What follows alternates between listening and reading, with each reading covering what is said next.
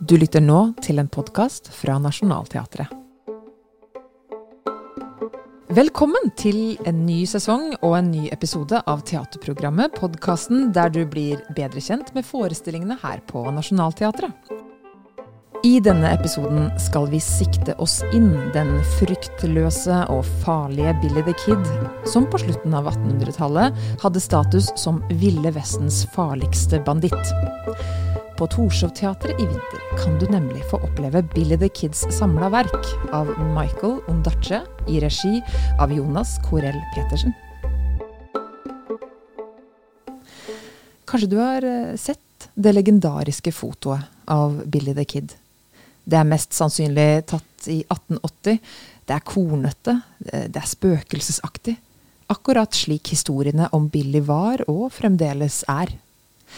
Hvordan setter setter vi bitene av denne myteomspunnede kiden sammen til et helhetlig portrett. Vi skal inn i en verden langt fra vår egen der en venn kan være en fiende, der drap og pistoldueller er dagligdags. Alt virker vilt og farlig. Alle lever voldsomt. Og med meg Ridende inn i solnedgangen har jeg dramaturgen på forestillingen, Olav Torbjørn Skare. Howdy, Olav. Howdy, Gunhild. Du, Jeg må innrømme noe med en gang. Jeg trodde faktisk Billy the Kid var en fiktiv karakter. Ja, men det er jo ikke så dumt uh, tenkt det. Det er mange faktiske skikkelser som dukker opp i westernfilmene og bøkene, så Bill the Kid er langt fra noe unntak. Ja, han har vært tidvis skurk, men først og fremst helt i en mengde westernfilmer. Og senest i fjor så kom det en ny TV-serie om han, som passende nok heter bare Billy the Kid. Det viser jo bare at han blir sett på som en interessant uh, karakter å lage westernfilmer om, også nå på 2020-tallet.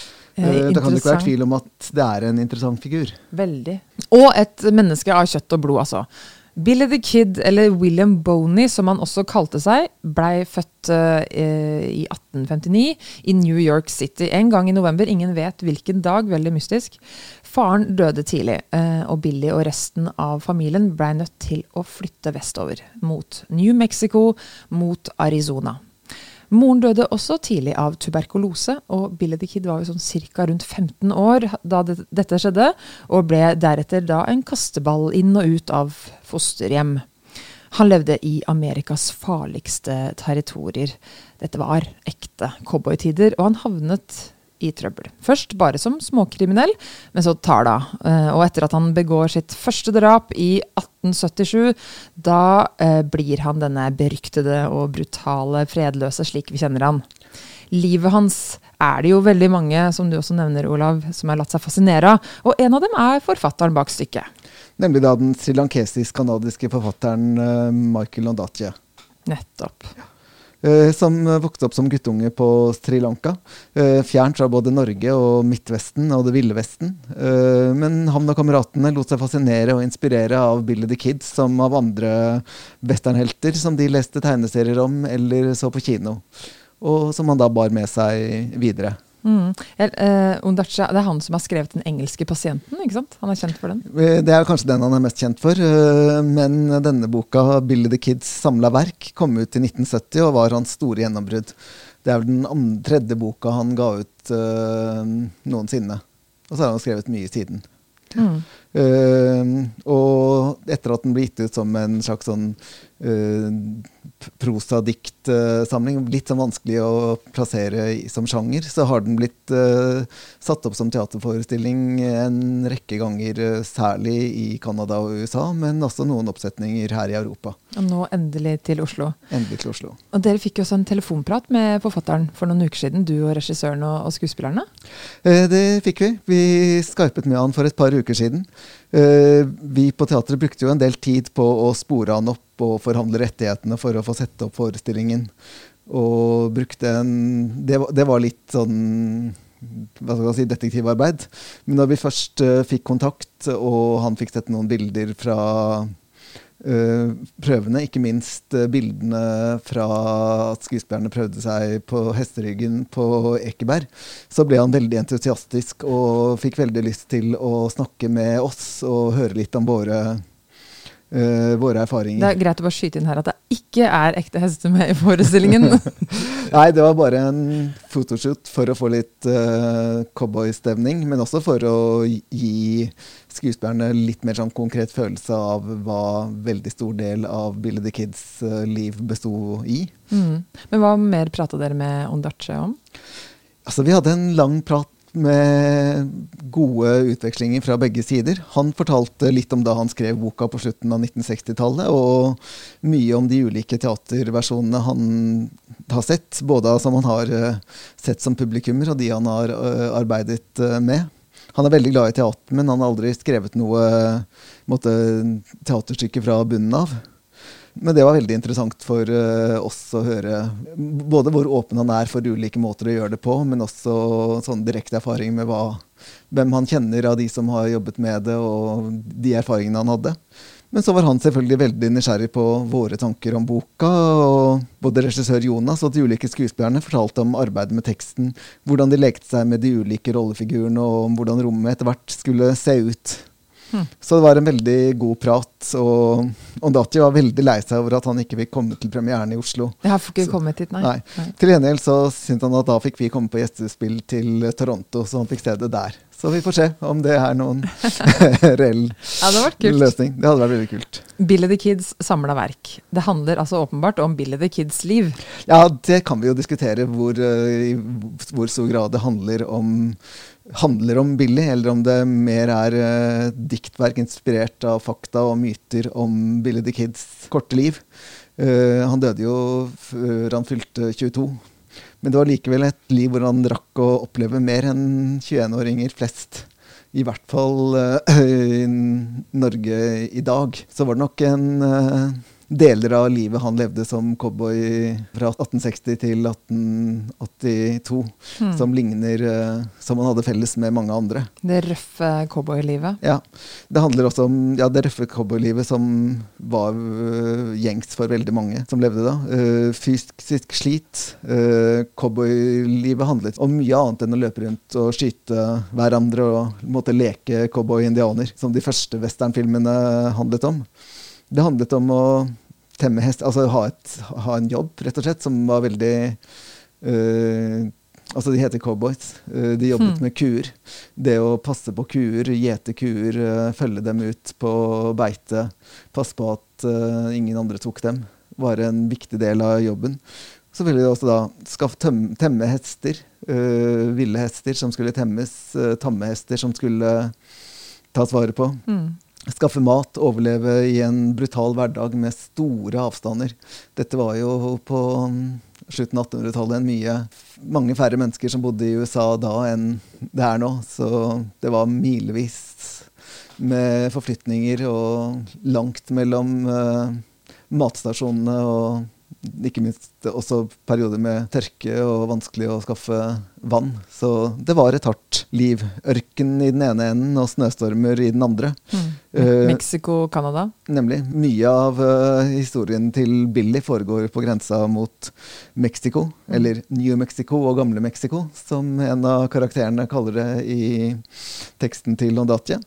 Uh, men Billy og kompisene beveger seg også inn i Canada, hvor det er et helt annet klima. Og dere som har sett bildene av uh, ridetimen på, på Ekebergsletta, vil nok tenke, uh, må nok tenke at det ligner mer på Canada enn på Mexico, med ti kuldegrader og masse, masse snø. Uh, men som også var en del av cowboylivet, som ikke er det vi ser mest av i, i filmene. Så um, Mm. Men en del. Jeg tror det var, et ganske godt bilde på deler av livet Billy og folka rundt han hadde. Mm. Så må det også sies at uh, Billy the Kid og at de andre cowboyene levde i en verden med en brutal ramme. Der uh, menneskeliv en, hadde en annen valør enn i det som er vår europeiske virkelighet i dag. Det er alt mulig grunn til å bli opprørt over politivold og drap i dagens USA, men det var en betydelig mer systematisk straffemetode for 150 år siden enn det er i dag. Det er tross alt ikke skuddpremie på ettersøkte forbrytere lenger. Jeg ser for meg den derre 'Wanted Dead or Alive'-plakaten. Nemlig. ja. Mm.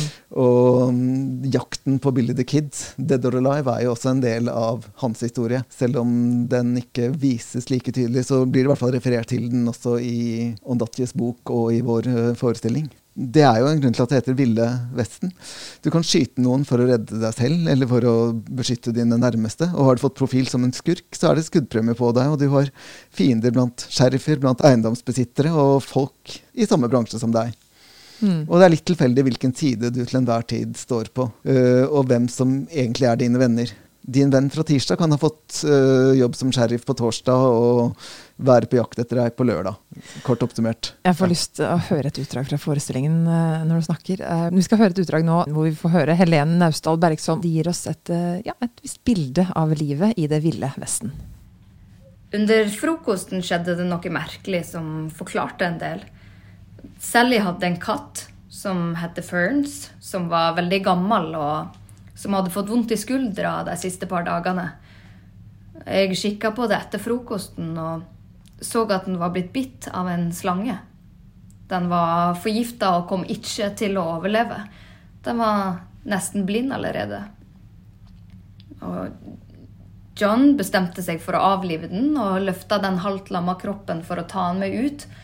Men der ute gjorde katten, som skjønte hva som skulle skje, et desperat sprang falt og dro seg på to bein inn under gulvplankene. Hele Chisum-huset var bygd sånn at det sto på søyleføtter som heva seg ni tomme over bakken. En kunne høre katten bevege seg inn under gulvplankene, og så blei det helt stille. Vi kikka inn under gulvet fra sida av huset, inn i mørket. Men vi kunne ikke se Ferns, og vi kunne ikke krabbe inn under for å hente han. Etter en drøy time skjønte vi ut ifra ei uvanlig tasling at katten fortsatt levde og hadde det vondt. Så um, ja, jeg gjetta at den kanskje kunne leve enda en dag, og så dø. Og så satt vi på verandaen en stund, og så sa Billy Vil du at jeg skal drepe han?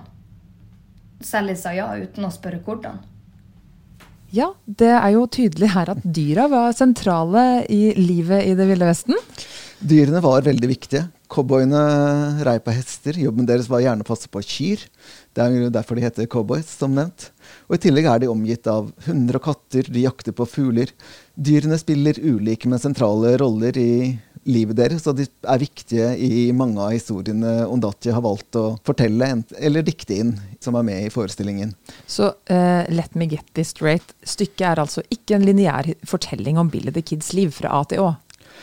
Nei, det er et uh, diktverk uh, hvor litt av uh, spenningen ved det er at vi hopper i tid hele tiden. Og da må det vel sies at teaterversjonen er betydelig mer uh, lineær enn det boka er. Og det er jo også litt av uh, det som kjennetegner teater. at altså, Leser du en bok, så kan du bla deg litt tilbake hvis det er ting du ikke har fått med deg, og ta deg en pause og sette ting på plass i hodet ditt uh, mens du leser. I en teaterforestilling så har du ikke den muligheten, så en del ting er nok gjort litt klarere i teaterforestillingen enn når du leser det i bokform.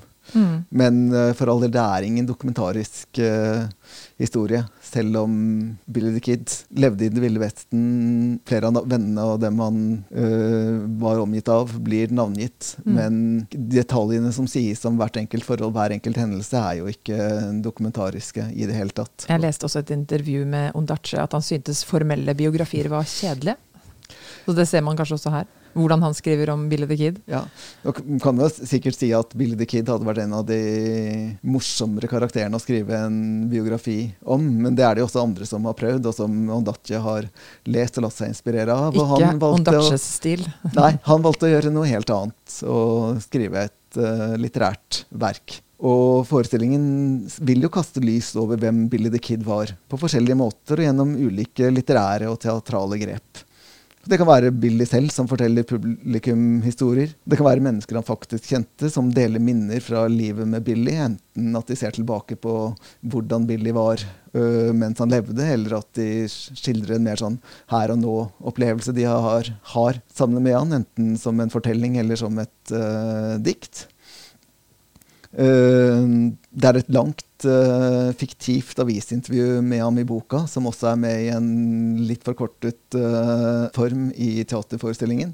Hvor han blir intervjuet mens han sitter i fengsel. Og En av de tingene han sier, er at han i hvert fall ikke vil inn dit igjen. Og det er jo ganske treffende, siden han både i virkeligheten og i boka rømmer fra fengsel flere ganger. Og så er kvinnen i livet hans, som var viktige på ulike måter, er eh, med og kommer til orde i forestillingen.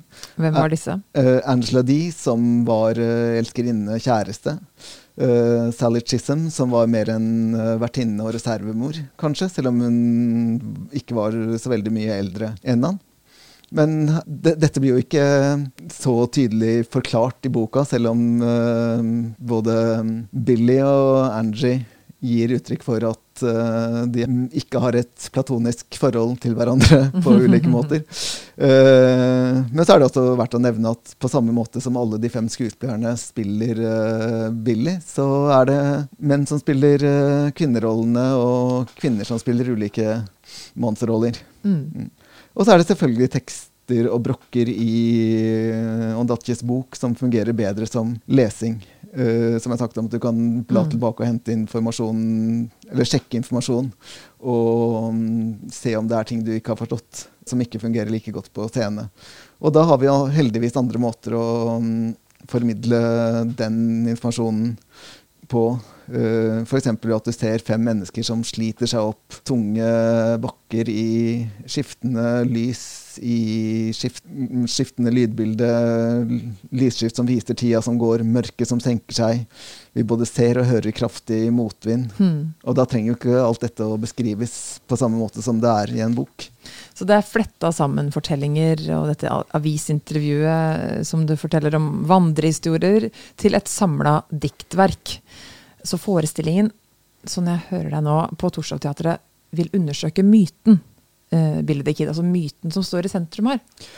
Ja, og det er vel uh, ganske treffende for den posisjonen uh, Billy the Kid har i vår hverdag i dag. At han, han var en reell person som levde et kort liv på 1800-tallet. Men det er først og fremst myten om hvem han er, hvor mange han drepte, som uh, gjør han spennende. Og det er jo langt fra første gang en uh, nålevende forfatter velger å skrive en bok om en mytisk uh, skikkelse. Jeg kan tenke meg at Hvis Bill the Kid hadde levd på 1200-tallet, ville helt sikkert Shakespeare ha skrevet minst én tragedie om han, og kanskje brukt uh, cowboymytene på samme måte som han brukte romerske keisere og danske prinser i de stykkene han faktisk skrev. Michael Ondatje skriver i et etterord i boka, i hvert fall til den norske utgivelsen, at uh, cowboyene var veldig viktige skikkelser da han vokste opp. Og dette var altså på Sri Lanka på 1950-tallet. Og det sier vel litt om hvor mye disse skikkelsene var en, mytiske eller reelle, i, ha, har vært i hele den vestlige verden og øst, østlige verden uh, gjennom hele 1900-tallet. Gjennom westernfilmene fikk barn og voksne et veldig tydelig bilde av hvordan cowboyene så ut bilde som i varierende grad stemte med virkeligheten, men som i alle fall var med på å gi, oss en, gi dem en posisjon som vi har fortsatt å leke med. Enten det er unger som leker seg over hele verden, som leker cowboy-indianer på plenen, eller i nærmeste skogholt, eller om det er westernskuespillere som har uh, forandret seg veldig gjennom de 80 årene westernfilmene har blitt laget. Uh, eller forfattere som Andatje, som skriver om disse skikkelsene på måter vi ikke er vant til. Så som vi fortsatt ikke er vant til 50 år etter at boka kom ut. Så må det jo sies at det tok jo 40 år fra boka ble gitt ut uh, til den ble oversatt uh, til norsk av uh, Anne Arneberg og Espen Stuland i 2012.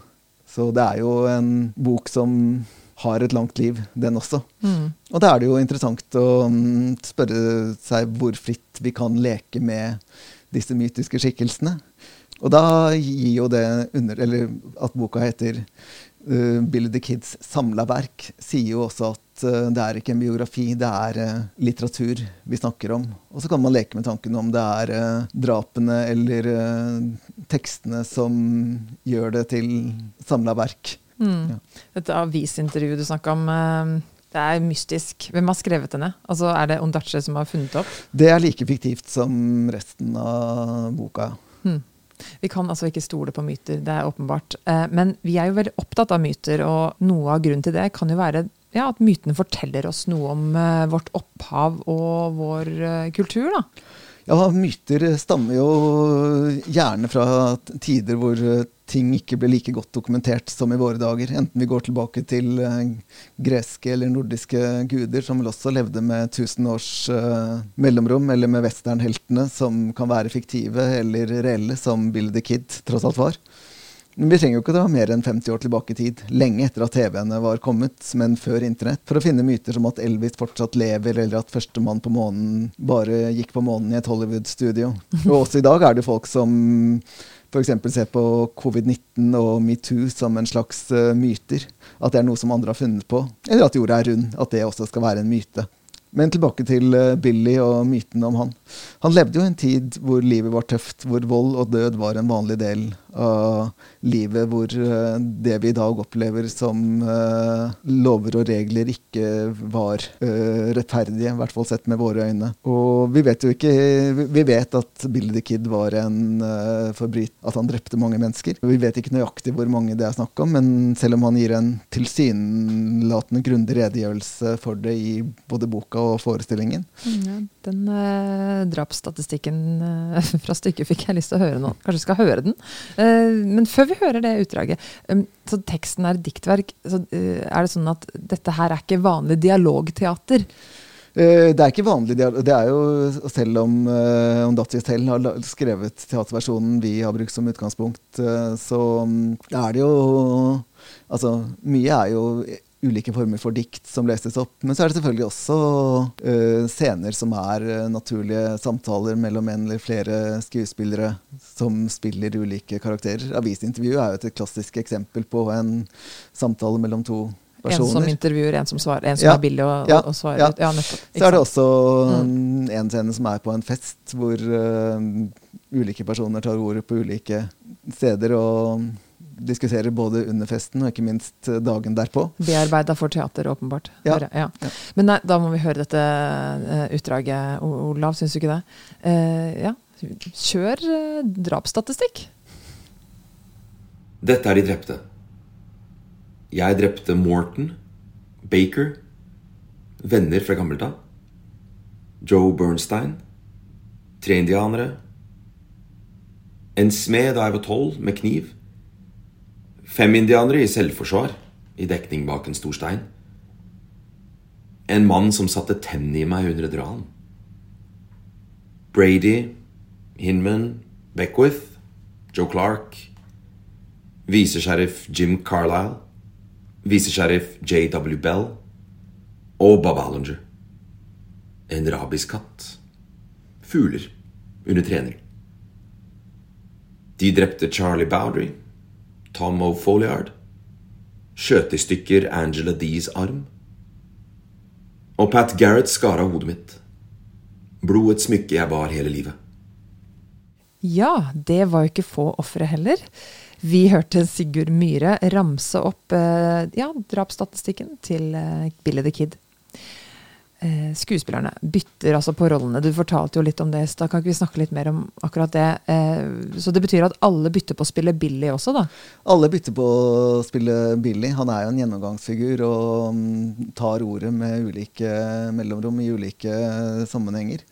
Så alle bytter på å spille Billy. Alle spiller i ulike grader de andre karakterene. Men uh, selv om alle på et eller annet tidspunkt har replikker som kan tillegges uh, sheriff Pat Garrett eller uh, Angie D, så er det også litt sånn interessant grep at i løpet av forestillingen så er det én bestemt skuespiller som kanskje blir, blir Angie mest, en annen skuespiller som blir Pat Garrett til slutt. Uh, så det er også en sånn interessant ting å se mm. hvor tydelig Det er ikke sånn som nødvendigvis er eh, skrevet sånn i manusformen, men når det gjøres på scenen, så peker de seg ut.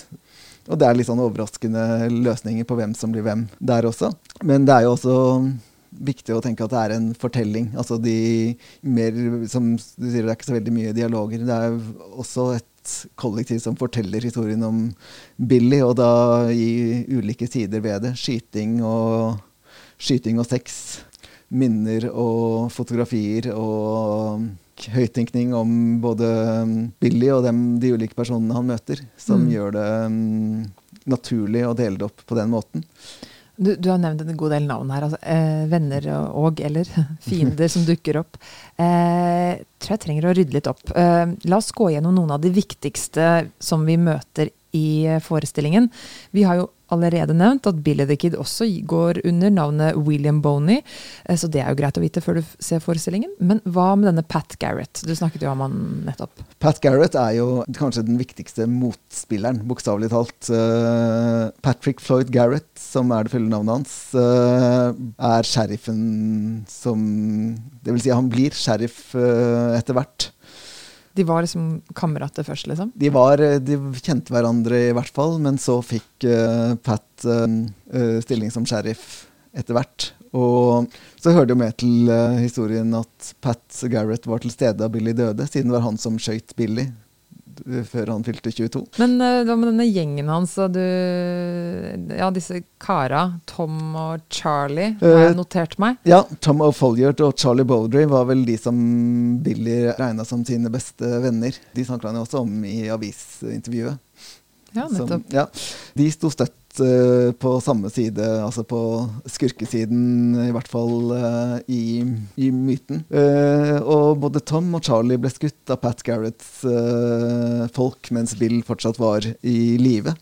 Og det bidrar jo bare til å øke um, konflikten mellom Garrett og Billy the Kid personkonflikter kan jo bli like viktige som kampen om makt og ressurser. Det gjelder jo like mye i norsk politikk og i greske tragedier som i Det ville Vesten. Denne Pete Maxwell, han er kanskje ikke så viktig? Han er ikke så viktig. Han, okay. Eh, det som er viktig med Pete Maxwell, er at han også er fysisk til stede når eh, Billy blir skutt. Mm kanskje vel så interessant å si noe om søstera hans, uh, Paulita Maxwell. Hun dukker også opp i forestillingen? Hun, Eller snakkes om? Hun snakkes vel ikke mm. om i forestillingen, men hun er til stede der. Hun tar ordet noen ganger uten ja. at hun blir direkte uh, navngitt. Hun er en av flere av kvinnene som Billy blir uh, kobla til. Det gikk rykter om at de skulle gifte seg. Noe hun uh, hardnakka avviser, i hvert fall i de fiktive intervjuene som Ondachi har valgt å ta med. Men takk, det var oppklarende. Nå har vi gått gjennom noen av de uh, folka vi får møte i forestillingen. Uh, skuespillerne bruker jo klassiske cowboyrekvisitter. Det får vi se på scenen. Uh, revolverbelte, hatt, rifler. Men kostymene syns jeg også gir noe hint om noe mer. Uh, det gjør også scenografien. For det her er ikke noe sånn saloondører i en westernscene. ja, kanskje du, Olav, kan ikke du ja. bare beskrive hvordan Ida Grimsgaards scenografi ser ut for deg? Ja, Scenografien øh, er jo i hvert fall tilsynelatende en stabel med klær.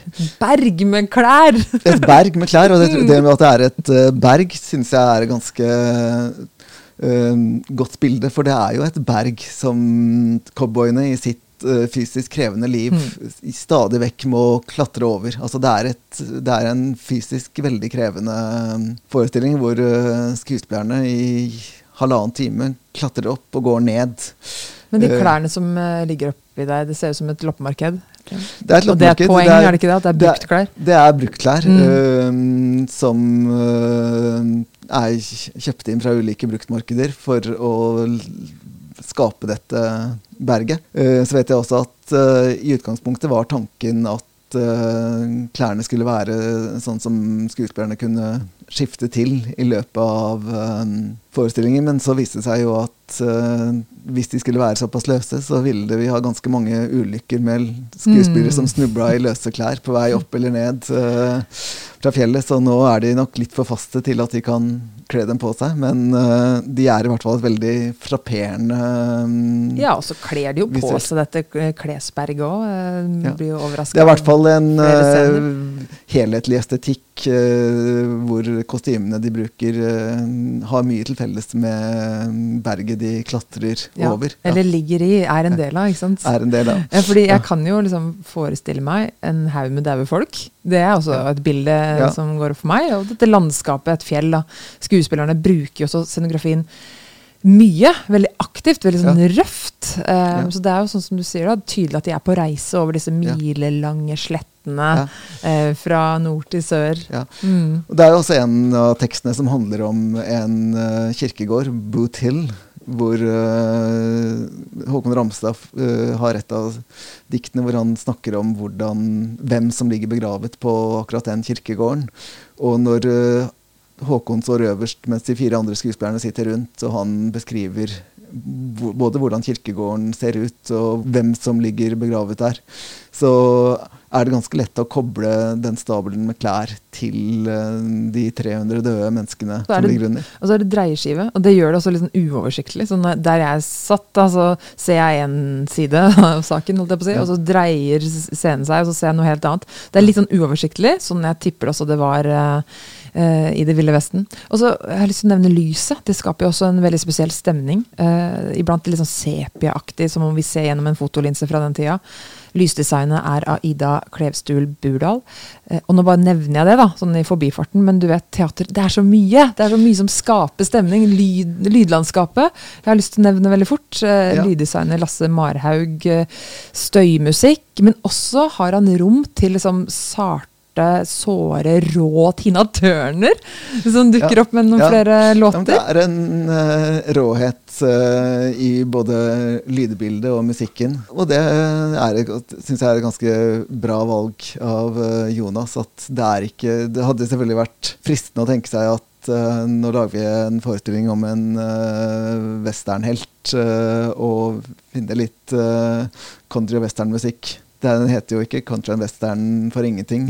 Men han har isteden valgt å da bruke um, Tina Turner og et par andre fra den tiden, som setter ord på og gir musikk til uh, mye av den samme uh, slitet og pulsen og sjelen. Altså, Hun også kjemper! Ja, det er en kamp, og det er uh, men samtidig så er jo også um, Tina Turner uh, en musikkatalog som spenner like vidt som Billy the Kids liv. Det handler om damer, det handler om slit, det handler om drap, det handler om uh, jakt. Uh, det handler om vennskap. Mm. Og Tina Turner har mye av det samme med seg i sin tidlige produksjon. Apropos musikk, jeg hørte her en dag at Bob Dylans 'Knocking on Heaven's Door' er skrevet til Billy the Kid. Ja, Det er kanskje en av grunnene til at vi ikke har tatt den med. Ja, ikke sant? For eksempel. Ja, ja. Litt, lite motstand. Vi snakket jo om Pat Garrett og um, sangen til eh, Dylan som du snakker om, ble vel laget til filmen som passende nok heter 'Billy the Kid' og Pat Garrett. Nettopp. Ja. Jeg kom til å tenke på at selv om samfunnet vårt i dag heldigvis er litt mer sivilisert enn på Billy the Kids tid, så finnes det jo fortsatt uh, spor av cowboystemning i dag. Jeg tenker jo åpenbart på stormingen av Kongressen i USA for et par år siden, og Brasilia for bare noen uker siden. Og disse inntrengerne, de bildene som vi fikk se, med, de hadde våpen, de var utkledd med pels og horn.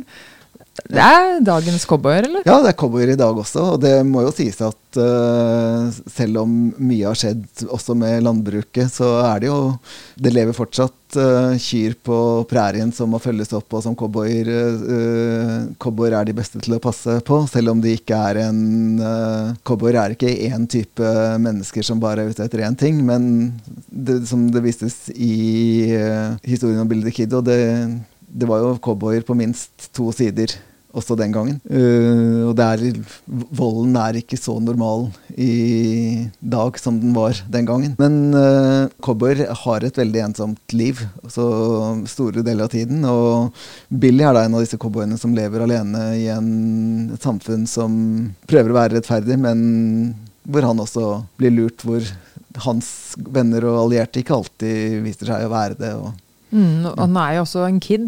Han er jo en guttunge som vokser opp foreldreløs. og ja, det er ingen til å beskytte han. Eh, merkelig tid. Uh, røff tid. Det er ikke rart eh, at han presses til et kriminelt liv, kanskje.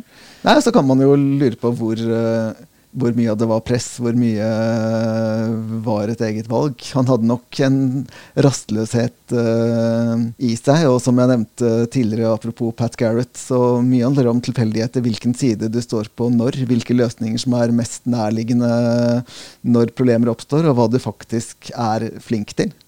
Er du en god jeger, så blir du en cowboy som kan ri rundt og beskytte både deg selv og kuflokkene, jakte for å skaffe mat eller holde rovdyrene borte. Men veien fra å skyte rovdyr som jakter på kyrne dine, til naboer som jakter på beitemarkene dine, eller rivaler som jakter på damene dine, var nok kortere på Billys tid enn den er i dag. Sentralt i forestillingen er dette fotografiet av Billy the Kid, eh, som er en av bitene som kan fortelle oss noe om han. Hvordan opplever du det fotoet? Ja. Fotoet er jo For det første er det interessant at en av disse mytiske skikkelsene faktisk er blitt fotografert. Og det er et fotografi som veldig mange har et uh, forhold til. Det er jo en viktig del av uh, teksten til uh, Michael Ondaatje også. Det viser hvordan Billy ser ganske Han ser ut som en guttunge, men han står der med geværet sitt. Han har sannsynligvis ikke lenge igjen å leve etter at bildet ble tatt. Det, og han så med geværet lett henslengt i, i hånda. Uh, og det er noe usentimentalt uh, i det bildet som både sier noe, sier noe om uh, forholdet hans til døden, andres og sin egen. Som samtidig viser at det å fortsette å leve er en kamp. Som mm. lev, er ganske treffende. Lev mens du kan, rett og slett. Rett og slett. Takk, Olav, for alle disse gode skuddene fra hofta. Billy the Kid, samla verk i regi av Jonas Korell Petersen, spiller på Torshov-teatret nå i vinter. Skuddene fra hofta kommer med pistol og ikke med gevær. Det er en av de tingene vi har lært. Fun fact der. Og til deg, kjære lytter, tusen takk for at du hører på teaterprogrammet. Nye episoder dukker stadig opp eh, av dette slaget, men også som saloon... Eh, nei, mener salongsamtaler. De kan du også få med deg her. Så husk å trykke abonner der du hører på podkast. Da dukker nemlig neste episode opp av seg selv. Mitt navn er Gunhild Kilde. Jeg og produsent Oda Tømte takker for nå. Vi høres igjen snart.